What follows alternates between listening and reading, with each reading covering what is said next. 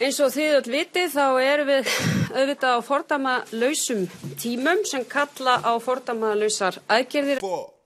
Fordama lausum tímum, fordama lausar aðgerðir, fordama lausum auðvitað á tímum. Eins og þið öll vitið fordama lausar sem kalla á aðgerðir. Fymtudagur, annar apríl 2020. Átjóndi dagur samkomiðbans. Staðfest smitt eru 1319. 1031 eru í einangrun. 44 er á sjúkrahúsi. 12 á gjörgæðslu. Fjórir hafa látist.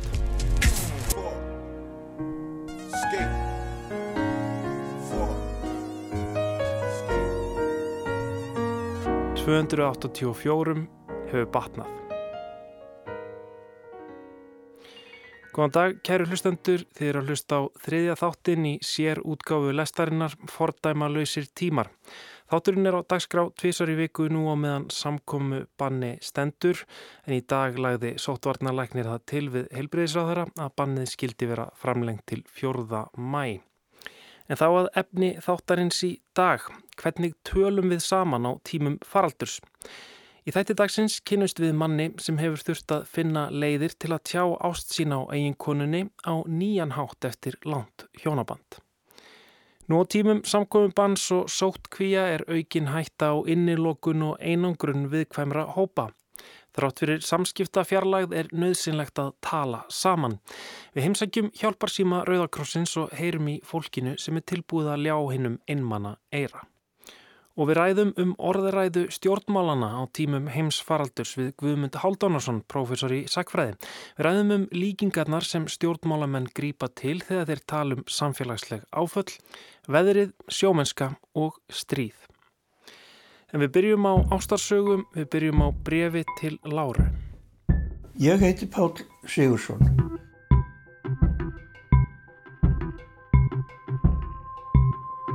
Ég er ákaflega opinn og ég held að ég sé léttlindur og sveigjanlegur ekki, ekki þverhaus og hef svona komist ákaflega vel af í lífinu. Ég uh, læriði hjártsmíðar og, og var hjártsmíður svolítið og síðan var ég í að selja stál hjá Guðmundi Arasinni og, og uh, ég kerði næturlæknana og ég, ég veit, ég, ég get haldið áfram að telja alveg langt fram á kvöld. Ég giftist e, Láru Höllu Jóhannesdóttir. Hún er vestmannegingur og við kynntumst þegar hún var að læra e, gardirkjunám í, í hveragerði. Og ég var beðin að taka hana frá Þingvöllum og niður á Selfoss til þess að hún kæmist þaðan aftur í hveragerði og uh, síðan hef ég ekki losna við henn á bílnum.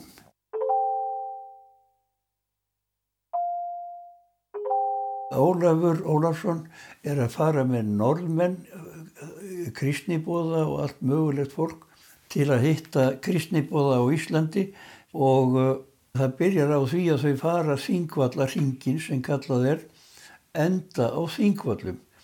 En þegar þau koma í hveragerði þá stoppa þau náttúrulega þar og þá sér Ólafur e, þessa e, ungu, ungu stúrku sem hafði stundum gist heima hjá þeim, hjá dóttir hans.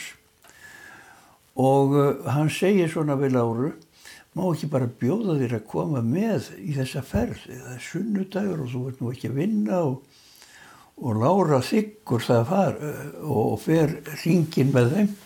En þegar hún kemur á þingvöld þá var vita mála hún fær ekki, ekki ferð tilbaka úr Reykjavík. Þannig að það var eitthvað að gera svo það að tala við sér að Jóhann. Og sér að Jóhann segir já, ég, það er hérna hjá mér að vinna maður sem að fer á ettir nýra á Selfors og ég er vissum það að hann tekur hana bara með í bílinn og ég var þá á vörubíl sem ég átti og var búin að lofa manni á Selfossi að ég myndi koma með eitt glas af rauðamöl úr rauðhólum. Og ég segi við stúrkuna að, að ég verði nú að standa, standa við þetta en hún geti lappað út í máa og týnt sér ber, þessu séu komin ber.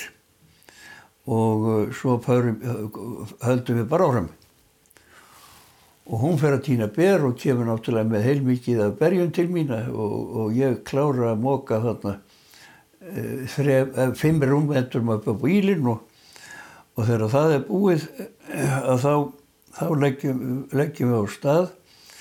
Ég ákveð það að skilja hana nú ekki eftir og kæra hana alla leið upp á Garðekískóla og einhvern veginn þróaðist að þannig að síðan höfum við verið saman eins og ég sagði og búin að vera gift í 60 ár, 5 mánuði, 20 daga og líklega 6 klukkutíma.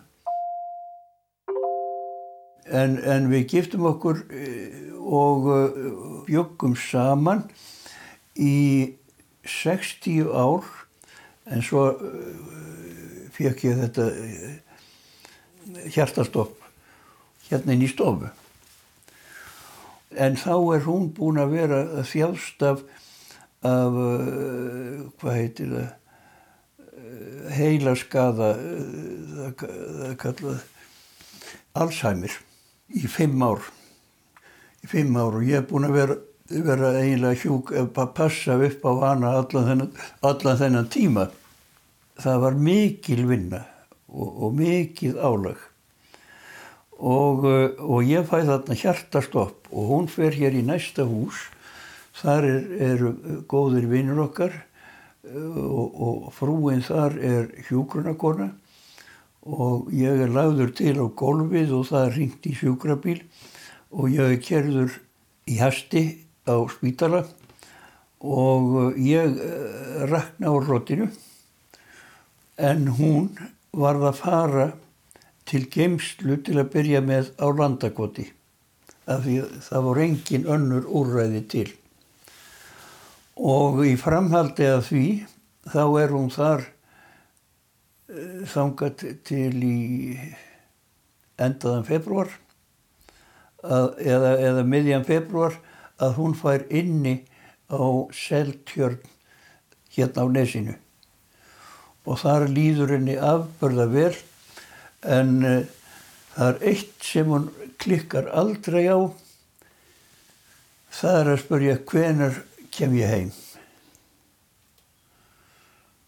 Nú ég á nú ekki mörg svör við því en þau eru eiginlega alltaf þennig Þegar þér batnar þá kemur þau heim.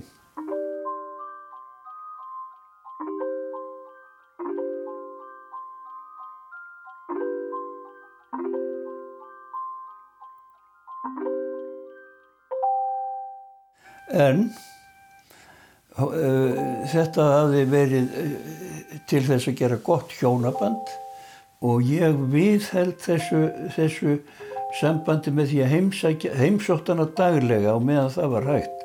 Svo þegar veiran skellur á og öllu er lokað að þá fer ég út í það að eh, skrifinni bref og eh, nú mátti ég ekki fara með brefi til hennar svo leiðis að ég hafði þann háttin á upp á von og á von að ég stakk brefinu inn í milli stafs og hurðar og leta detta inn á golf og þannig hefur, hef ég samband við hana.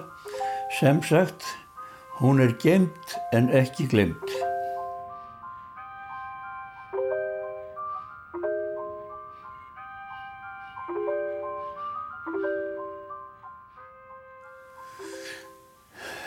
Já, ég segi henni náttúrulega allar þær fréttir sem ég hef af vinum og, og, og, frændum og kunningum og svo leiðis og það er nú á þessum tíma þegar maður kemst ekkert út sjálfur þá, þá verður það nú ákaflega svona lítið gagn í því en ég á einhverja tvær brandarabækur svo leiðis að ég skrifa einn eða tvo brandara með.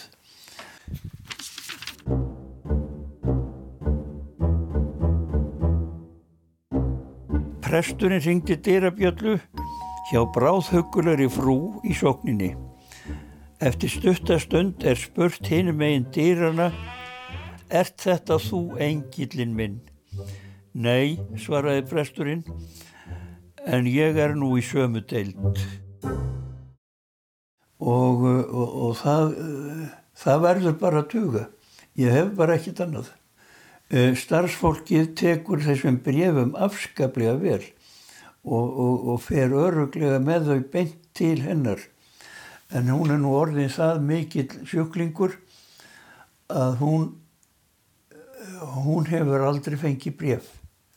Þegar ég spurði hann að því, sko, ég fekk að tala við hennar í gegnum myndsíma og nei, nei, hún hefur engin bref fengið. En, en það er bara svona og, og það, það, því verður ekkert breytt. Veikindi eru veikindi og og við erum ekki að tala um þau, við tölum um einhverja brandara frekar heldur en, frekar en það til þess að, að, að svona dreifa huganum. Það er náttúrulega bæði og sko, því að hún, hún er náttúrulega orðin það illa farin að maður er í svallum vandræðum með að hitta hana. Af því hún er að spurja um sama hlutin aftur og aftur og aftur og aftur og hún, hún man ekkert eftir neinu en þarna líður henni virkilega vel og maður getur náttúrulega ekki annað en verið endalust þakklátur fyrir það. Og sér það ég verða að ríkhalda mér í handriði svo ég dætt ekki. Já hérna þetta herbergi þetta var, var fyrir tvö. Þetta var fyrir sónin, yng, yngri sónin, dóttirinn var hérna og hér er veggurinn sko, sem var á milli herbergjana. Svo tók ég niður þennan vegg þegar, þegar börnin voru farin og, og hérna er ég og, og, og skrifa en í hinu herberginu þar hafði Lára sína tölvu og ég sagði það svona í gríni að við værum svo uh, þversum hvort við annað að við skrifuðumst á í tölfunni svoleiðis var það nú. Hérna er náttúrulega bara uh, Lenovo tölva sem er 7-8 ára gömul og ég er búin að uh, kaupa aðra. Og svo er hérna prentari sem að, sem að ég nota náttúrulega og, og, og brefin til Láru eru, eru, eru velrituð ég veit ekki hvort ég get sínt til það.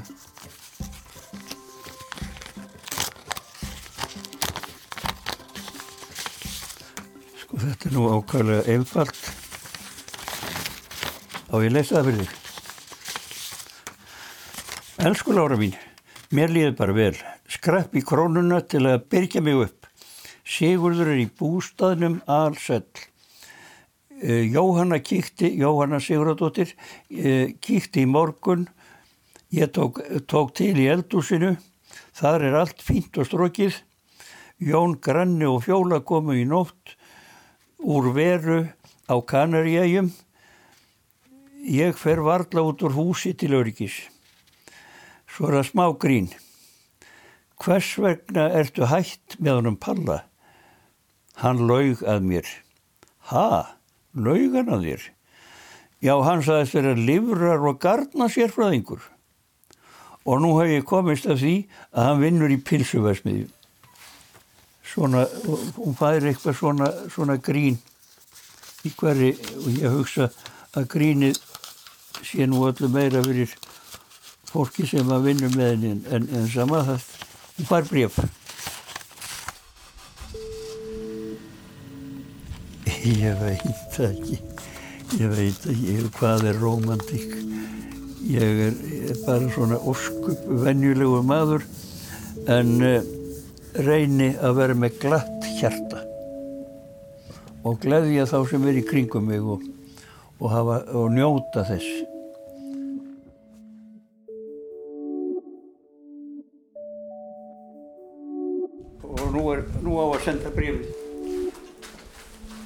Það er ekki hægt að setja það undir, svo ég setja svona.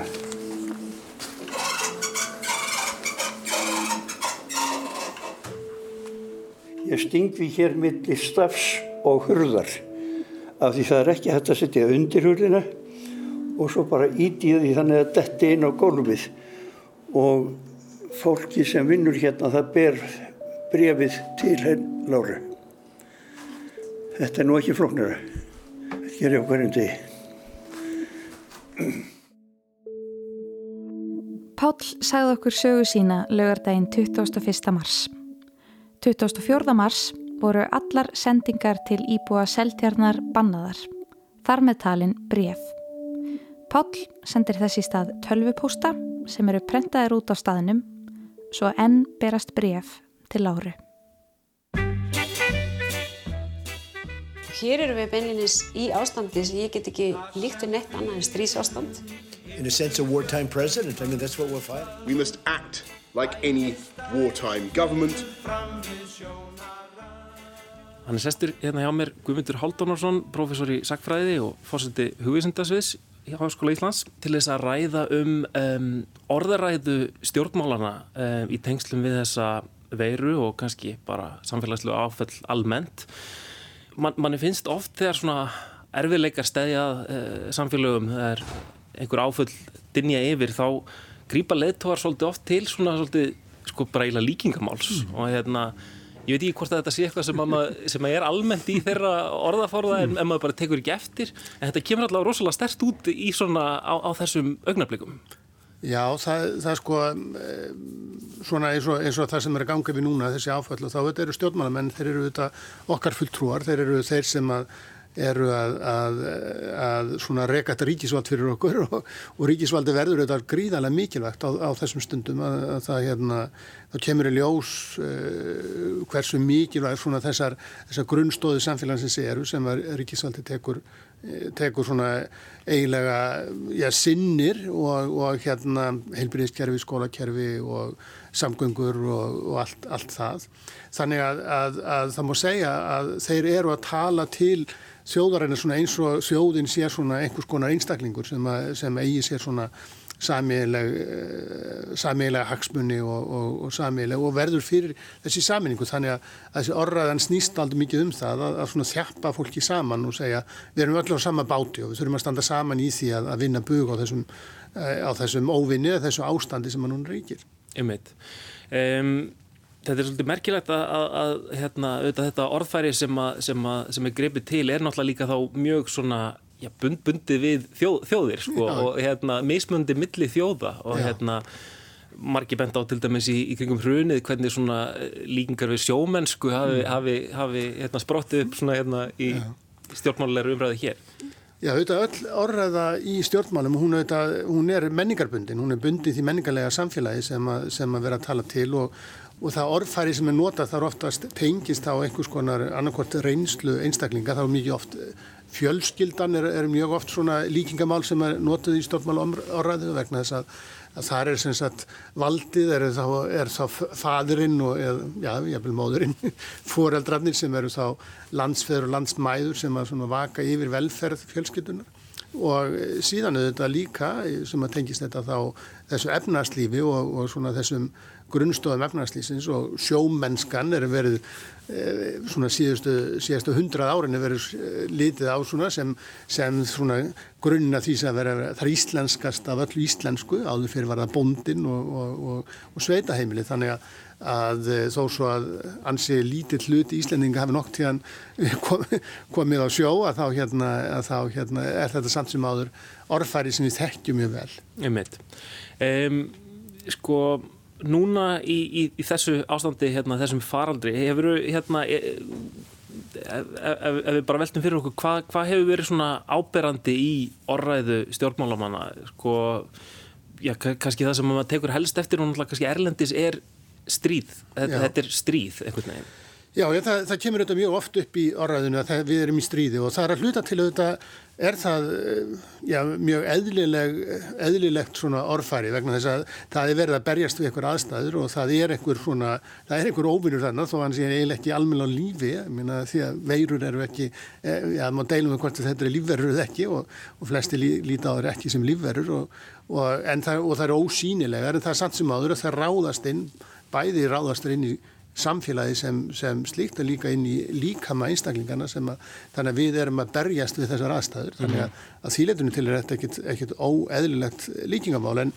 en þetta er, þegar þetta kemur inn í stjórnmálinn þá er þetta ekki síður tengist þetta því að í stríði eiga þjóður að þjappa sér saman. Þá er þetta að verjast eitthvað utan að koma til óvinni og, og þess að gera þeir alls konar hluti fórna sér fyrir heildina sem að fara ekki til dæmis á ströndina í, í bandaríkjunum þar sem að það er, eh, eða eiga ekki að gera það og það, ekki, það þykir óeðlegt eða, eða krakkar fara út í búð og gera hluti sem er ekki að gera menn virða svona þessa reglur vegna þess að, að menn er að forna sér fyrir, fyrir heldina og það, það auðvitað fylgir strísorraðu mjög gerðnan mm -hmm. og í samfélagum þar sem að, þar sem að her og herrmennska er hlut, mjög mikið hlut þá, þá er þetta mjög eðlilegt og, og svona og það, það er mjög vennjulegt að, að, að stjórnmannum grípi til þess og bandaríkin eru þar kannski, kannski hérna e, svona mest, besta dæmið af því að, að, því að það er auðvitað alveg greinilegt að það er þetta mjög mikið notað. Og, mm -hmm. og, og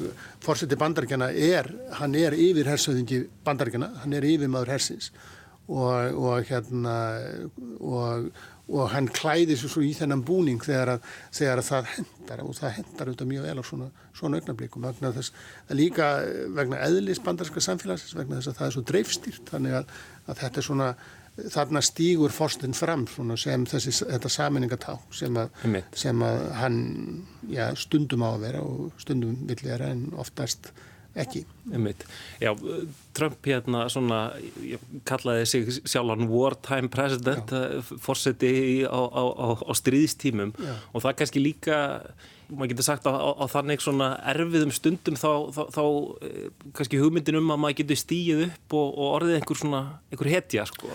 Já, það er sko svona ástand, það skapar sérstaklega aðstæður fyrir góða leitúa leittóar, við skulum segja eins og Abraham Lincoln og, og, hérna, og eh, Roosevelt eh, í bandaríkunum þeir stíga upp við þessar aðstæður og, og ná að leika þetta hlutverk Trump hefur ekki tekist hann eitt sérstaklega vel og hann mörgu leiti ja, hörmulega, hann, hann, hefur, hann hefur verið svona eins og blaktandi strá í vindi sem er ekki aldrei gott fyrir, fyrir, fyrir stríðsleitoga en samt sem áður að þá, þá eru vinsandir hans að aukast vegna þess að, að já, fólk líka kallar eftir þessu, fólk kallar eftir því að, að hafa þennan svona styrka leitoga í, í, eh, í, í eh, þegar stríðs ástand ríkir. Og við, ef við berum þetta sama við Íslanda þá er þetta mjög ólíkt og það hefur verið svona tekið eftir því að, að, að á Íslandi hafa stjórnmálum en lítið stíð inn í, inn í sjálfa svona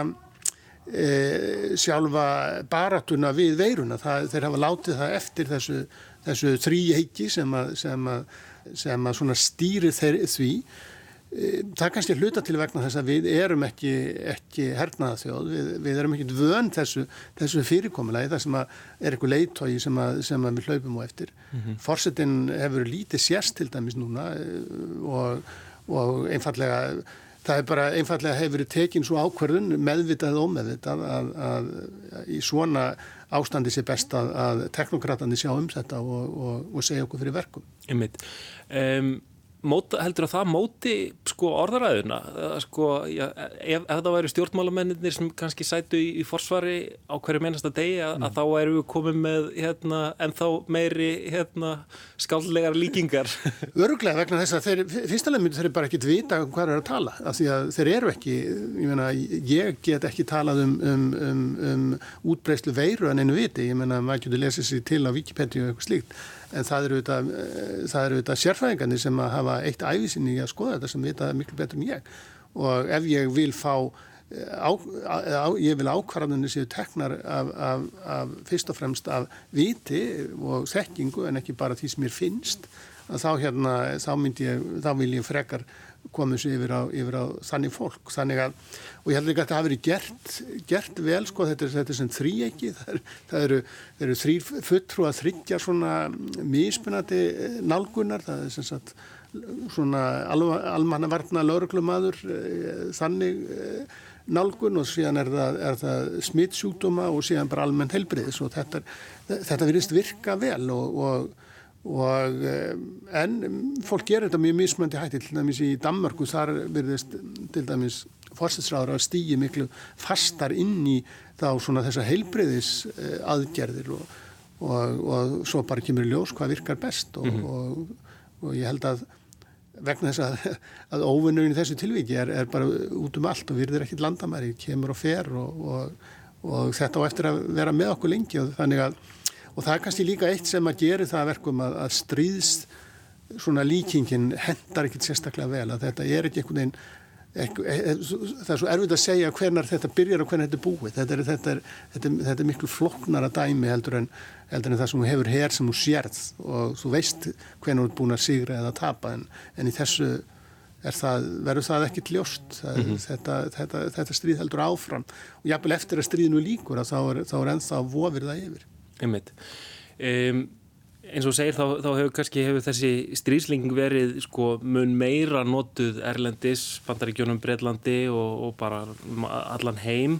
Um, en um, ja, Katrín Jakobsdóttir hérna, líkti þessu sjálf við, við strísástandi allavega í einu kastljósviðtali. Ég veit, veit, hef ekki tekið eftir hvort það sé mikið víðar. Um, Kemur þá óvart að, að, hérna, að, að friðarsinnin Katrín Jakobsdóttir grípi til þessara líkingar? Sjálfur sér ekki sko, það er að hluta til að þetta er öll umræða í orðin svo tengdum allan heim. Að við erum að fylgjast með hvað er að gerast annar staðar þannig að þetta smítar allt út frá sér svo við notum það líkingamála. Að, að heimurinn er orðin svo tengdur þannig að, að, að það, er, það er mjög erfitt fyrir íslenska stjórnmálamenn eða íslenska fræðimenn að, að vera ekki á einhvern hátt, eh, hátt svona litaðir af því sem að, sem að gerist annar staðar í þessari orðaðu þannig að, þannig að nei það kemur ekki það óvart líka vegna sem þú sagði á þann að þessi umræða hendar að sumuleiti ágjörlega sko. mm -hmm. það, er, það er verið að bergjast fyrir einhverja við þurfum að standa saman og við þurfum að hlýða reglum sem að, sem að, sem að kannski mannum finnast óþægilegar og það efnarslífið líður, uh, líður fyrir þetta og þetta til dæmis hefur komið í ljóstöðnus í bandarkunum þar sem að, að þetta er nota til þess að, að, að réttlæta það að eh, ríkisfíða sé notaði alls konar hluti sem er ekki vennilega gert. Og, það, þetta, og þar þarf að beita þessari, það þurfti ekki að gera það. Ég held að þetta ekki verið notað í þegar umræður voru hér um, um efnarspakkan að, að þetta var um styrrisástand, það var kannski megin en, en, en það er, er við annars þar, ef falla vegna þess að það er eina leiðin til þess að við getum bara svona mobilisera svona mm -hmm. þessa, þessa efnarslegu aðgeri sem að við, við þurfum á að halda til þess að, til þess að takast á við það efnarslega ástand sem við búum við. Já, virkar þessi, þessi orðaða sko eh, bara á, á mínum líftíma sem ég hef ekkert upplifað neitt stríð hérna í nánasta um, umhverfi en, en ég man eftir stríðinu gegn eitulefjum, ég man eftir já, stríðinu gegn hriðjverkum um, bæði stríð sem hafa misefnast alveg hrapalega hérna, mm. uh, þar sem þessi stríðslíkingi notuð kannski mitt á svolítið svona óljósan hátt gegn einhver óræðu fyrirbæri mm. um, virkar þetta í Ja, sko þetta fer auðvitað eftir í hvað, um hvað er að tala, til dæmis stríð gegn uh, eitulefum var augljóslega, það var, það var mjög vond samlíking af því, að því að þetta var ekki stríð gegn eitulefum heldur var þetta stríð gegn ákveðnum hópum innan samfélagana því að, að ef við berum bara saman hvernig var tekið á annars vegar sko eh, hérna þegar að krakk heldist yfir bandaríkinn e, á, eh, á nýjönda áratögnum e, og síðan aftur hvernig tekið á ópjóta vandanum núna þegar að það voru fyrst og fremst svört fátakakverfi sem voru, voru fyrir barðina þessu og þá var þetta stríð. Eh, gegn eitthulum en, en núna sjá menn þetta sem heilbríðsvandamál sem þetta er, þetta er þetta heilbríðsvandamál og félagstilt vandamál. Þannig að þeirra stríði beinist að því að, að sundra þjóðinni þá, þá er stríðslíkin stríðslíkingi mjög vond. Já, það, það eina sem að, svona, við getum kallað svona jákvætt eða hagkvæmt við strísleikinguna er það að reyna að þjapa þjóðinni saman og við þurfum að, að forna ákveðnum hagsmunum fyrir þá hagsmunni hildarinn og það er og það er það sem er jákvætt í þjóðnistefnun þjóðnistefnun hefur mjög margt sem er neikvætt en hún hefur þó það jákvætt að hún svona stappar stáli í, í fólk og, og gerir það verkum að við erum tilbúin að, að forna einhver á, á okkur eigin hagsmunum fyrir fólk sem við þekkjum ekki neitt sem er algjörlega ótengt okkur sem, að, sem að er ekkert skilt okkur neinum blóðböndum. Við höfum aldrei mætt. Við borgum fyrir skatta til þess að menta börn sem við höfum aldrei séð og, og það, er, það er gert vegna þess að við, við sjáum þess að þjóðina okkar þjóð sem og einhvern hátt sem, sem eiga, eigandi eitthvað samílegt og, mm. og á svona stundum er það ennþá frekar að, að, að menn þurfa að forna. Núna til dæmis þegar að koma sögur af því að eigendur fyrirtækja sé að misnota sér að, að nota þetta tækifæri sem að, sem að gefur að mannum finnst á, á fyrir til þess að skara eldis að sín eigin köku í staðin fyrir að fyrst og næst að hugsa um, um sína löndstega að það vekur það upp reyði af því að menn eru, menn eru þó einhvern hát ekki að forna sér fyrir, fyrir heldina. En, en þeir eru auðvitað bara að gera það nákvæmlega sama og þeir eru alltaf gert það því að kapitalismin gengur út á það að reyna að græða þessi mest og, og hérna en á þessum stundum á það, á það ekki við. Já, fólki finnst að þá í, í þessum aðstæðum finnst fólki það bara reynlega siðlaust, þetta já, er bara eins og e, e, einhver stríðsgróða brask eitthvað. Já, sko. já, og þetta er, það er akkurat, þetta er stríðsgróða brask, menn eru sem sagt að, að nota sér þá þessar aðstæðu sem eru, sem eiga að vera til þess að þjapa, þjóðinu saman, menn ég að forna sér fyrir hag heildarinnar og, og örglega eru mjög margir hérna eigundur fyrirtæki gera það líka. Meina, það, það, er, þannig að þetta er svona hluti af þessar orðræðu og þetta er það sem að gera hana öflög að virka er það að það verður núna við svona aðstæður verða menna að gera svo vel að, að forna ímsu sem þeir hefðu áður og, og hérna bara einfallega vegna þess að, að aðstæði fólks í þessu samfélagi núna þetta, það kemur auðvitað alltaf í ljós þegar að svona dýnur við er að, að hver mismunurinn er að hversu aðstæði fólks er mismunandi. Mm. -hmm. Kanski að, að lokum um, e, já, við hugsaum oft um, oftast um stríð kannski sem um, svona þjóðurinnæslegt fyrirbæri, það eru mm. þjóðuríki sem að hafa farið í stríð og, oftar en ekki allavega í svona nýlæri sögu. Um, en núna stöndum við náttúrulega allt mannkinnið frammi fyrir sömu ógninni. Um, e, sko, er hægt að nýta þessa líkingu einhvern veginn án, án þess að deila okkur upp í þessa, þessa þjóðurnis uh, hópa og, og Já. Það er mjög erfitt vegna þess að, að sko, stríð var hér áður fyrir breyðnaður. Ég meina, stríð voru ekki á milli þjóða heldur voru það einhverjir sem áttu hér og hérinn gæti verið bara sapna af einhverju fólki sem bara fekk laun fyrir að berja á öðru fólki sem fekk líka laun og, og, reynum, og að hérna, nýðast á, á, á, á fólki nákvæmna hérum og sveitum. En það með þjóðrikinu verður þetta hins vegar er hérinn þjóðnýttur og verður þá að þessu fyrirbæri. Þannig að þessi strísling getur bara gilt í því samhengi að, að, að meðan að herir verður bara, er einhver óþjóðalíður sem að fæ laun við að drepa fólk að þá, þá hérna, þá gengur hún ítla og það er, hefur að gerast á undanfjöndum árum og það er verið að við erum að færast frá því að, að herir séu einmitt svona það er verið að leggja og eiginlega búið að leggja niður allstaðar eh, hérna herrkvæðningu og, og herrskildu og nú er þetta bara nýra atvinnumanna herir. Þannig að við herriði núna eru einhvern veginn allt öðruvísi þannig að stríðslíkingin hefur mjög lítið með herr og herrmennsku að gera í sjálfu sér. Hún snýst miklu frekar um eh, þjóðrikið og, og þjóðnusumyndina. Þannig að eh, um leið og, og við förum að horfa á þetta einhvern veginn öðruvísi þá fara að líta bara allan heimi sem eru þetta miklu skinsamlar og eðlar þá, þá verður mann að nota einhvern veginn aðra líkingar. E, þá held ég að verði frekar menn fara að líta frekar á þetta svona sem, sem svona tæknilegt verkefni. Og, og það er, er auðvitað að gerast núna. Nú er, það, það er alveg gríðarlega samvinna núna sem við auðvitað sjáum ekkit mikið. Þar sem að, að vísindamenn er að vinna saman um allan heim e, að því að að búa til bólefni sem er eina leiðin til þess að, að, að vinna gegn þessu. Og þegar uppkom uh, sá kvittur að, að Ríkistan bandaríkjana væri að reyna að kaupa eitt slíkt fyrirtæki í Þískalandi til þess að reyna að þjóðnýta þá fremst að það var þá allir uh, það mikil reyði vegna þess að vísna samfélagið er mjög óþjóðlegt. Mm -hmm. og er í eðlisínu mjög ó, óþjóðlegt fyrirbæri. Og, og, og þar eru landamæri yfirleitt mjög óskýr og, og það eru auðvitað í, í, ef við ætlum að ráða bóta og takast á við svona vanda á endanum er það auðvitað miklu skinsamlega leið heldur en að, heldur en að taka til stríðslíkinga og, og loka landamærum og, og annars slíkt. E, að því að fólk ferðast innan landa og hérna þú þóðu loki landið af að, þá fyrstulega myndu Íslandingar ekki lifa lengi við þurfum á, á, á innflutningi að halda og veiran hverjur ekkit samt að því að við erum ekki fyrst og fremst smituð útlendingum, fyrst og fremst smituð hvert annað. Ég mitt. Já, maður ma kannski sér þetta bara strax sko að, fólk er, já, svona hugtaka eins og kurva er orðið, orðið mm. mjög, mjög útbreytt að þeirra tala um að minga kurvuna og hérna þannig að það er kannski bara líkingamál hérna starffræðina þarna Já, ég meina þetta eru þetta, þetta þetta lífeðlisfræðilegt vandamál sem við erum að takast á við. Veira er ekki lífvera, hún er, hún er, hún er eitthvað pathogen sem, að, sem við sjáum ekki og, og, og við getum ekki bara beitt higgjuvitunu við að eiga við hana. Við þurfum að, það þarf uh, vísindi til þess að, að, að raunverulega finna upp þetta bólefni.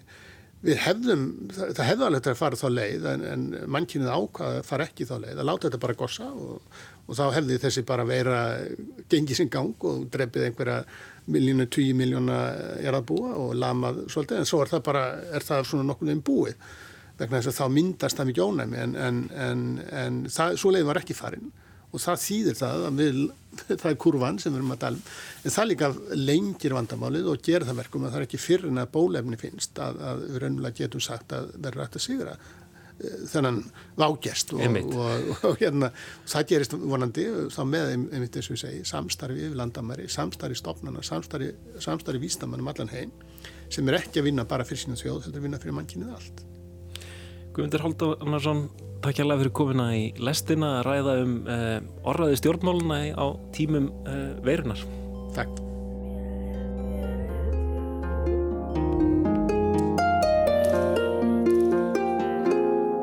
sem Rauðakrossins. Góðan daginn.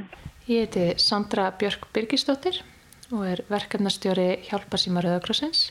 Ég byrjaði í byrjun árs 2016 á Hjálparsímanum.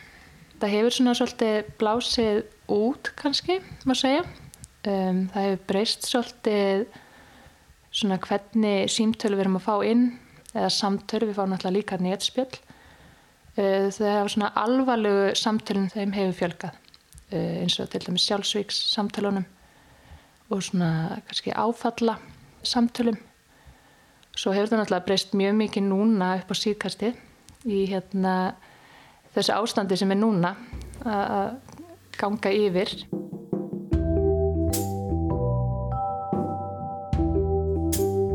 Hérna innan hús hefur þetta breyst þannig að það eru flestir farnir bara að vinna heima hjá sér þeir sem að geta Þannig að við á hjálparsýmanum erum eiginlega bara búin að herrtaka húsið undir okkar starfsemi. Við þurfum náttúrulega að, að hafa þessa tveggjametra reglu í, í gildi.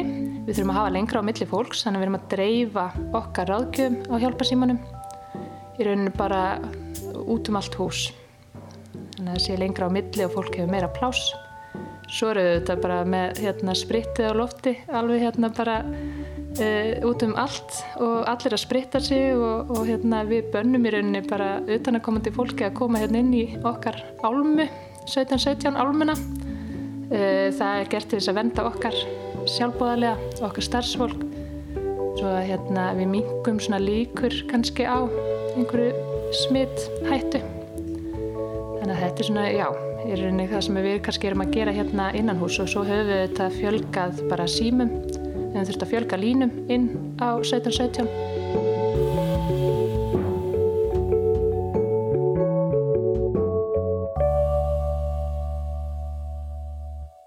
Við erum líka að taka við yfirfallinu frá 1700 vegna álags hjá þeim.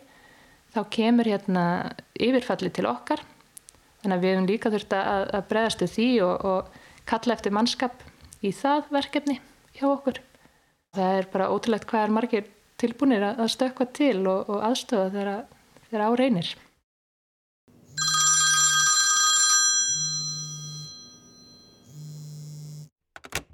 Ég heit sem Berlín Guðansdóttir og ég starfa sem ráðgjafi hjá Hjálparsíma Rauðakorsins. Ég er búin að starfa í rúmt ár sem starfsmæður en fyrir það þá var ég sjálfbáliði hjá Hjálparsímanum og í konungundi. Þannig ég er búin að vera hjá Rauðakorsinum í, já, rúmt tvö ár. Mér bæði langaði þess að kynna mig starfið og svo langaði mér bara að gefa að mér, taka þátt, hjálpa fólki á einhvern hátt, sko að leggja eitthvað að mörgund.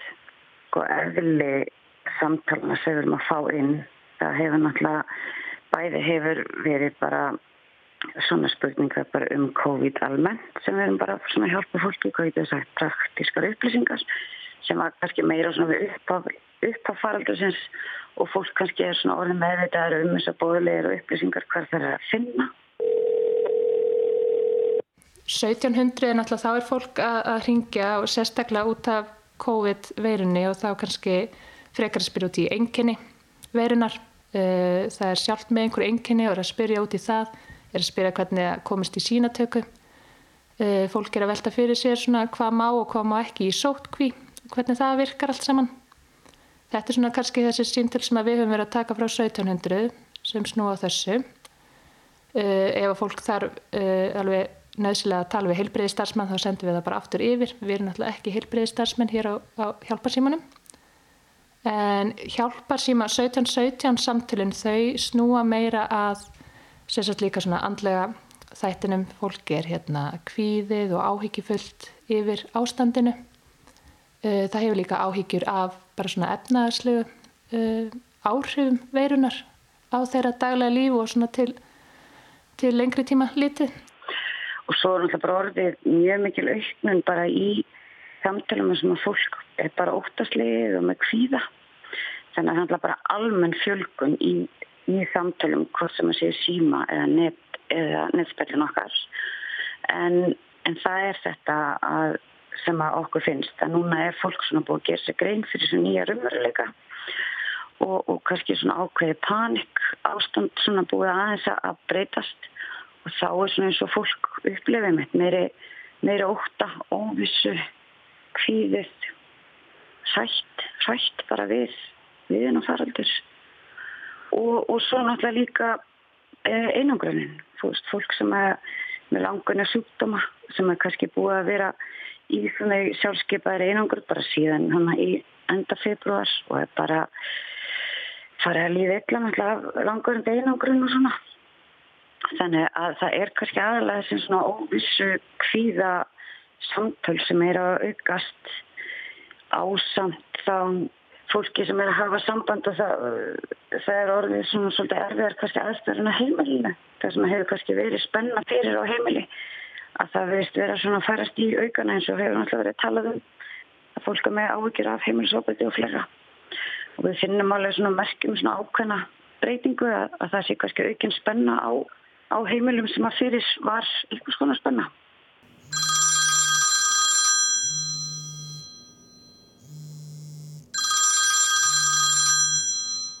Já, hæ. Ég heiti Hanna Ólustóttir og ég er starfsmæður í Rauðakrossinum. Byrjaði fyrir fjórum árum á hjálpasímanum. Hef síðan verið að starfa núna við annaverkefni sem er tímabundið eh, lokað út af COVID og er þess að núna komin aftur inn að hjálpa síman sem stuðningur út af uh, miklu álægi sem hefur verið að hjálpa síman að mynda farið. Þetta skara stolt hjá fólki, bæði svona áhyggjur af, af líkamlegum enginum og, og þá andlegri líðan á sama tíma. Oft hafa þau símtöl sem að kannski byrja á enginum um COVID eða einhvað slíkt enda sem 17-17 símtöl þá uh, vegna kvíða og, og svona óryggis og, og áhugna sem að fólk hefur þannig að það er ágætt að geta grepið í, í það hlutverk líka. Hjálpalínan er svolítið svona þessi fasti punktu sem að fólk getur alltaf leita til.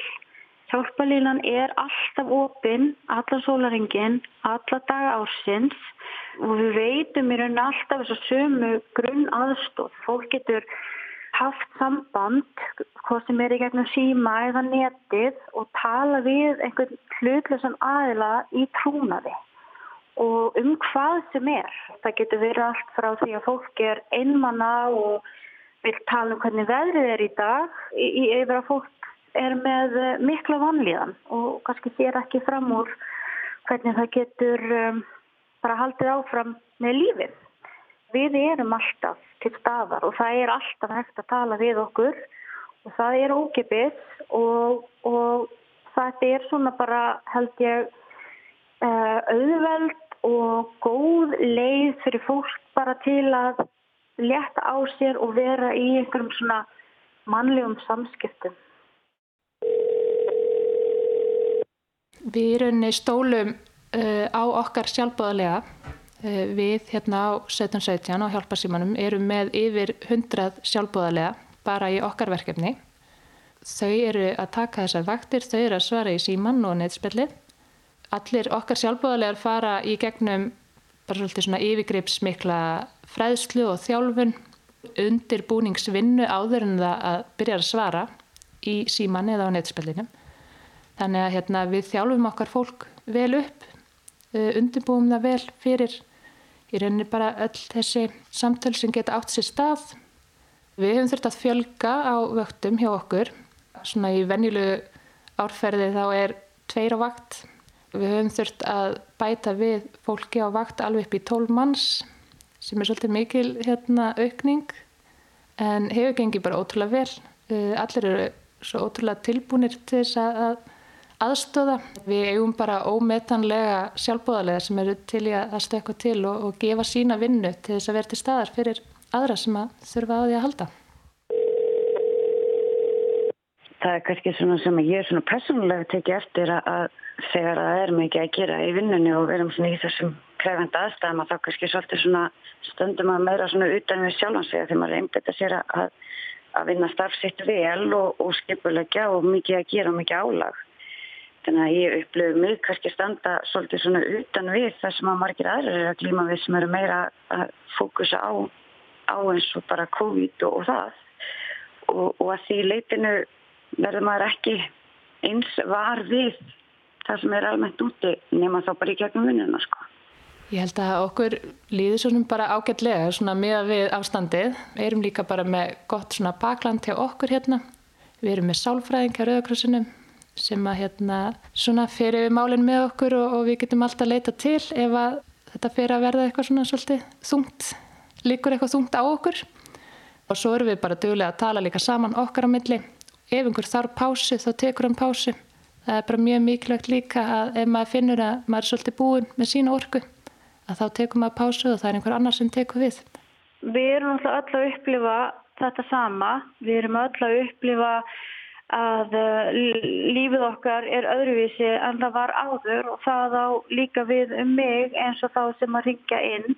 Ég á börn sem er ekki í skóla, ég á mömmu í áhengi hópi í einagrunn og, og ég tengi auðvitað mjög, mjög fast við mikið af, af því sem að fólk eru að upplifa. En uh, það sem að ég er náttúrulega alltaf verð að muna að ég er á hjálparsýmanum og hef ákveðið hlutverk og það er í raunin að veita sálurna stuðning, það er að, að hlusta, það er eiginlega nummer 1, 2 og 3, að hlusta á fólk sína því bara skilning og veita þá fólki þess að ráðgjöf eftir því hvað við á hverju sinni. En ég er náttúrulega ekki eh, meðferðræðili, ég er ekki félagsráðgjafi, ég eh, er þannig bara sem einhvers konar rött, ég segi ekki auksl til að gráta á en, en svona sem bara stuðningur í rauninni. Og það er það sem hefur alltaf verið okkar hlutverki á Rauðakrossinum og það breytist ekkert Það er ótrúlega gaman og gott að sjá einhvern veginn þennan samhug og svona samstöðu í þessu öllu saman. Við höldum bara áfram að taka á móti okkar venjulegu símtölum. Það er líka mjög mikilvægt að muna það að það er líf utan COVID-verunar. Við þurfum að reyna að líka passa upp á að hugsa um eitthvað annað, gera eitthvað skemmtlegt sem að hérna, dreifir aðeins hugunum. Það er líka bara mjög mikilvægt að gera það þótt að kjarpa starfsefnin sé svo sama núna, það er hjálparsýmin og, og þessi salunum stuðningur að uh, við erum alltaf í rauninni að, að aðlaða okkur á ástandinu í samfélaginu hverju sinni. sem við erum mjög mikið núna að gera það er að finna hvar þarfinnar eru og hvaða hópar eru það sem að eiga kannski erfitt með að eh, nálgast upplýsingar hvaða hópar eru það sem að hafa kannski ekkit, ekkit bakland uh, og við erum núna að, að, að finna leiðir til að, til, til að ná til þeirra hópa þannig að við erum svolítið svona organísk í okkar starfi og, og eins og núna finn ég mér stert fyrir því hvað við þurfum að vera sveianleg og hérna geta, geta aðlað þessa starfsemi að samfélaginu hverju sinni. Það er mjög krefjandi en það er líka svo óbúslega mikilvægt að það sé einhver svona stofnun sem að um, er kannski ekki þá bara algjörlega bundin við einhvern ákveðin lagaramma eða eitthvað ákveðið hlutverk heldur getur tekt sig út og mætt fólki þar sem þörfin er og það er það sem gerir Rauðakrossin svo magnaðan. Sjálfsvíks samtölinn til okkar, þeim hefur fjölgað mjög mikið. Það þarf ekki að þýða að fleirum líði ítla, heldur er fleiri að leita sér aðstóðar og svona treysta sér til þess að opna á þetta og tala við einhvern og leita sér hjálpar sem er bara mjög gott og það er alltaf gott að, að opna á hlutina, tala við einhvern og leita sér aðstóðar heldur en að kannski byrja það inni og, og vera bara einn með sjálfur sér heima og í kannski að líða illa. Ég vil segja við fólk að um, það geta allir haft samband við hjálpa síman. Ef þið langar að taka upp síman og þú, þú vilt tala við einhvern um einhvað, þá er það bara næg ástæða. Fólk getur haft samband við okkur og það er bara naflind og trúnaður. Við vitum ekkert hver er að hafa samband við okkur og fólk veit ekkert hvernig er að tala við heldur hér, þannig að þetta er svona nafleysi. Það er engin þröskuldur og það er engin skömm. Það er fullt af fólki sem að syngir eh, í okkur og það er alls konar fólk á öllum aldri. Allir þeir sem að koma og eru sjálfbáðilega á hjálparsýmunum er að gera það út eða þeir hafa raunverulegan áhuga á að eh, hjálpa og vera til staðar fyrir aðra ég vil bara hvetja alla sem að finna fyrir einhvers konar vanlíðan eða óryggi, óta, einmannalega áhyggjum bara að hafa samband. Þar með komið að leiðalokum í þessum þriðja þætti af fordamælusum tímum sér útgáfu lestarinnar. Við þakkum fyrir samfélgina, veriði sæl.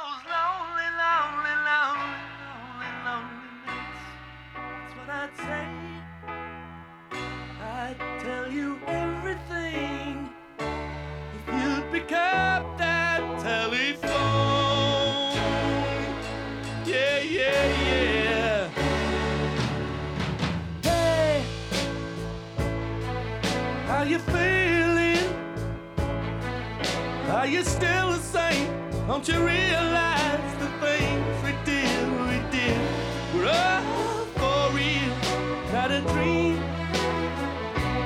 I just can't believe